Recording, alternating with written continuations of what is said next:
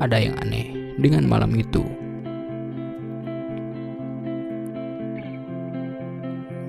Selepas berakhirnya aktivitas, mulailah perjalanan menuju pulang. Dari Jakarta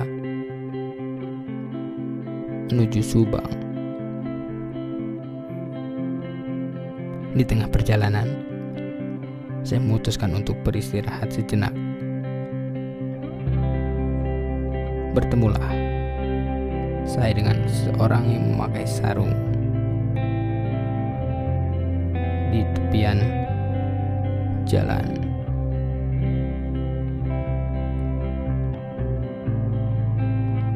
Di akhir obrolan, dia berpesan, "Cobalah peduli terhadap lingkungan sekitar." Saya lanjutkan perjalanan saya. Tinggal satu kecamatan lagi saya menuju rumah. Bunyi HP mendorong saya untuk membuka pesan tersebut. Saya menempikan kembali kendaraan saya. Dan tak lebih dari satu menit, saya melanjutkan perjalanan lagi.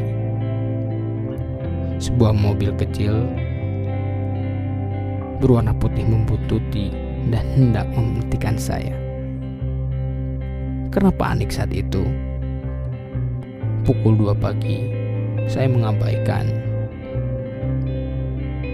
Namun, setelah dibiarkan, mobil tersebut kembali menghalangi kendaraan saya. Saya lihat beberapa orang dengan gaduh membuka kaca dan memanggil saya. Semakin ketakutanlah saya saat itu. Hampir menyerempet mobil putih itu. Saya lihat ke kanan. Ada sebuah senjata api mengarah ke arah saya. Tersentak perasaan dingin seluruh tubuh. Akal sehat sudah tak lagi jalan. Kaki menancap gas sekeras mungkin, sambil hati dan mulut terus menyebut nama Allah. Karena saking cepatnya, saya mengendalikan kendaraan di belokan tajam yang sudah tidak terkontrol. Allah masih menyelamatkan saya saya langsung pergi ke rumah. Tadi duga, mobil yang mengikuti saya tadi juga ikut ke rumah. Tersentak, semakin kaget, saya lari, membuka pintu rumah dan teriak minta tolong sekencang-kencangnya. Seisi rumah pun kaget dan membantu teriak. Sayangnya, tetangga.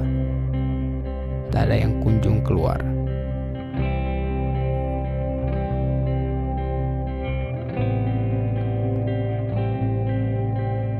Teriakan sudah lama.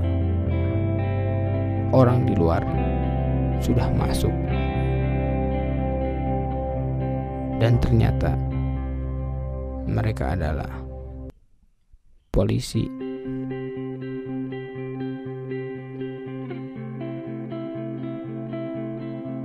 Saya dan orang tua saya keluar berdiskusi dengan polisi tersebut. Polisi menduga saya sindikat mencurigakan yang berhenti di daerah rawan. Jadi mereka mengejar. Saat berusaha memberikan saya, saya seolah kabur. Pada saat itu, polisi tidak mengenakan seragamnya Mobilnya pun bukan mobil patroli yang membuat saya tidak berhenti. Akhirnya, kita bersalaman dan clear. Kita salah sangka. Ada satu polisi yang memediasi kita, bijak dan dewasa. Namun, polisi yang lain dengan wajah sangar dan mulut bau alkohol salah satu membawa senjata api cukup membuat saya syok sampai sekarang. entah polisi atau bukan. Reng-rengan bersama salah satu polisi yang jelas-jelas beliau adalah polisi.